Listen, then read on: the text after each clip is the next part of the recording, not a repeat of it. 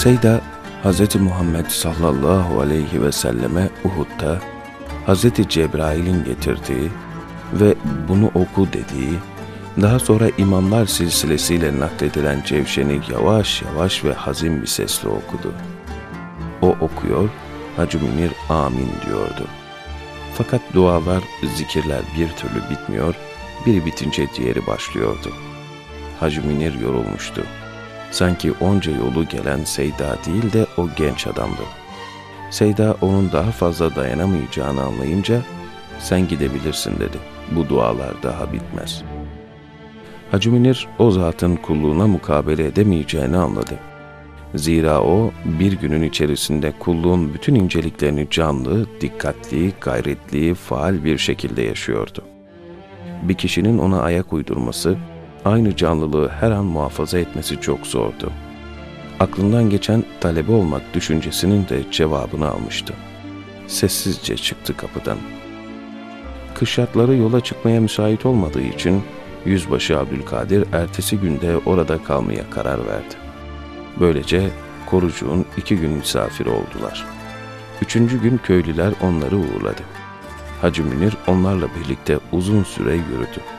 Gönlü Seyda'dan ayrılığı kabullenemiyordu. Ancak onun bizimle gelmen daha fazla münasip olmaz, artık geri dön sözünden sonra vedalaşıp ayrıldı. Seyda çarığını ve izini Korucuk köyüne bıraktı. Hacı Münir çarığı izinden adım adım yürüyecek olan görsün diye evinin en müstesna köşesine astı.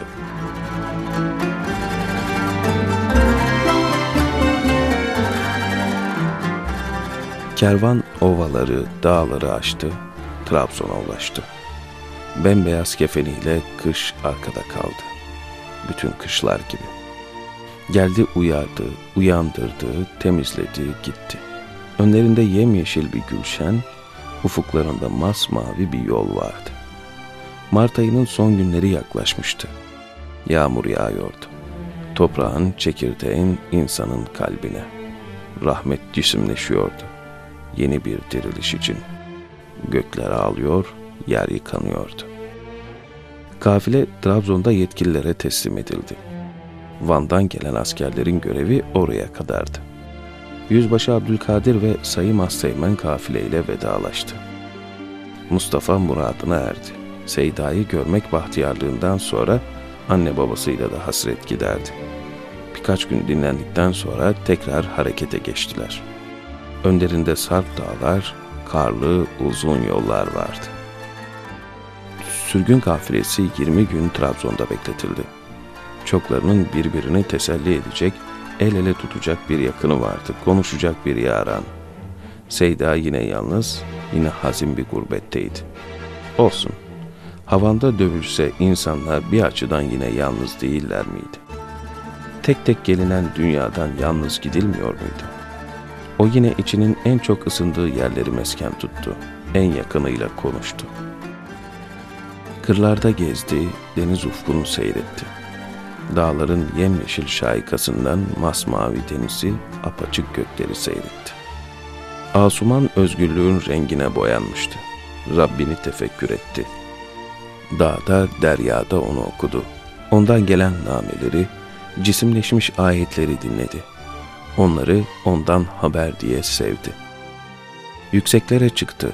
Kul oldum dedikçe hürriyetin tadına varıyor, beline bağladığı iple deryalara dalıyordu. Namaza durduğunda ufkunun maddeten de açık olmasını istiyor, sonsuzluğa yürümek düşüncesiyle soluklanırken etrafının çepeçevre sarılmasını sevmiyordu.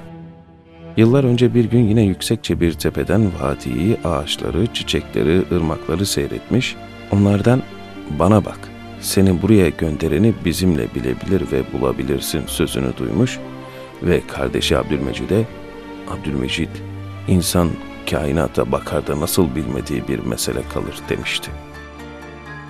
Kainatı bir kitap gibi okuyor, her varlığı cisimleşmiş bir kelime, bir ayet, bir haber olarak görüyordu. Trabzon onun için güzel bir mütalaa sayfası olmuştu.''